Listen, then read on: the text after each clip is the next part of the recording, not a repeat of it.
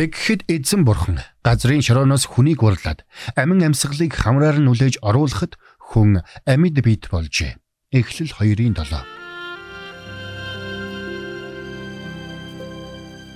Мэргэний сонсог мэдлэгэд хэлэг. Ухаалаг нь мэрэгэн өдрөмжийг мөн авг. Доктор Харалт цаалогийн мэрэгэн зөвлөмж нэвтрүүлэг.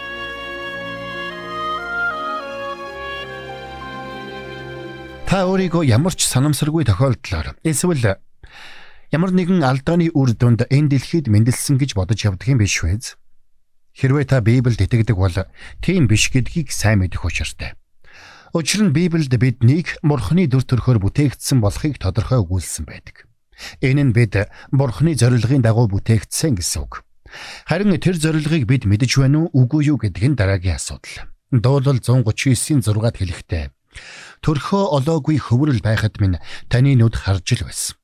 Надад тогтоогдсон өдрүүд болоогүй байхад бүгд номд тань бичигдсэн байжээ гэсэн байдаг. Гэвч ихэнх хүмүүс үүнийг мэддэггүй.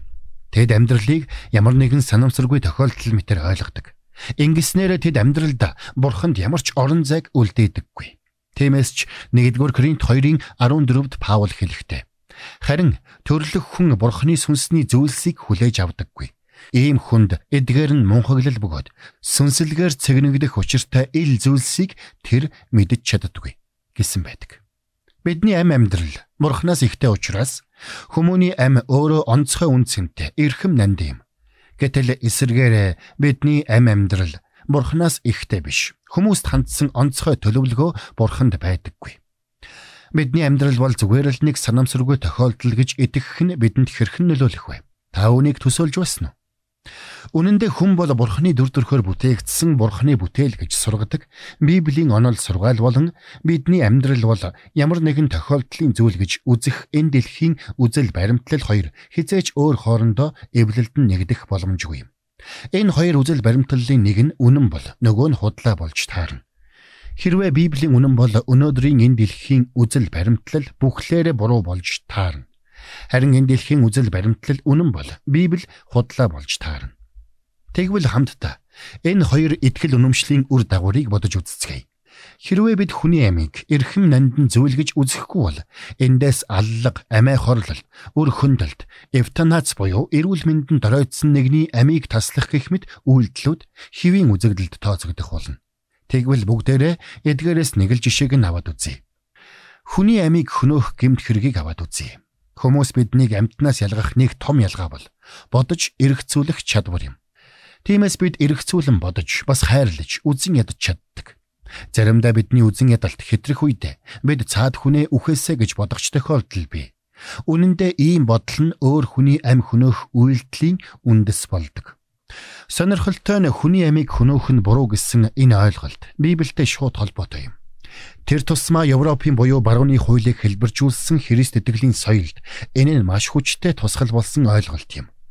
Бурхан 10 хуулийнхаа 5 дугаарт чи хүм бүү ал хэмээн тушаасан байдаг. Харин Христ итгэлээс ангид зарим соёлд хүний амийг хөнөөхийг тэр бүр ноцтой асуудал гэж үзэхгүй байх тохиолдол түгээмэл байсан гэдгийг түүх гэрчилдэг. Сонирхолтой нь Мосе өөрөө хүний ам хөнөөсөн гэмт хэрэгтэн байсан. Тэр бүхэл Паулч бас хүний амь хөнөөсөн гэмт хэргийн хамсаатан байсан. Учир нь шин гэрэний үйлс номын 7 дугаар бүлгийг үзвэл Стефаник чулуугаар шидэн хөнөөж байх үед Паул тэр хүмүүсийн хувцсыг хараад зогсож байсан. Магдаллын онлын эцэг гэгддэг Харалд Джеффрис хормын хаан 60 жилийн ойг тэмдэглэх үеэр сурвалжлагчид эхнэрээс нь хизээ нэгэн цагт нөхрөөсөө салах тухай бодож байсан эсхийг нь асуусан байдаг. Харин хатагтай Джеффрис тэдэнд салалтын тухай хизээч бодож байсангүй. Харин алчхий гэж л хит хитэн удаа бодож байсан шүү хэмээн хариулсан гэдэг. Хэдийгээр бурхан хүн амны хэрэг үйлдэлсэн эсвэл гэрлэлтэд цуцлуулсан хүмүүсийг аль альнийг нь уучилдагч Библиэд эдгээр үйлдэлүүдийг хизээж зөвтгөж байгаагүй юм. Яагаад? Учир нь хүний ам амьдрал бурханы мэлмид үн цэнтэй эрхэм нанд юм. Үүнийг бурхан өөрөө өгч өөрөө авдаг болохоос бидний мэддэг зүйл биш.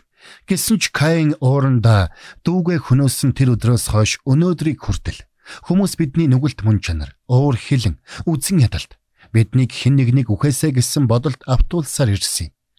Тиймээс бид хүмүүний ам амьдрал ямар үн цэнтэй, эрхэм нандин болохыг ойлгож ухаарах нь биднийг бие барьж илүү хэрсүү байхад тустай юм шүү.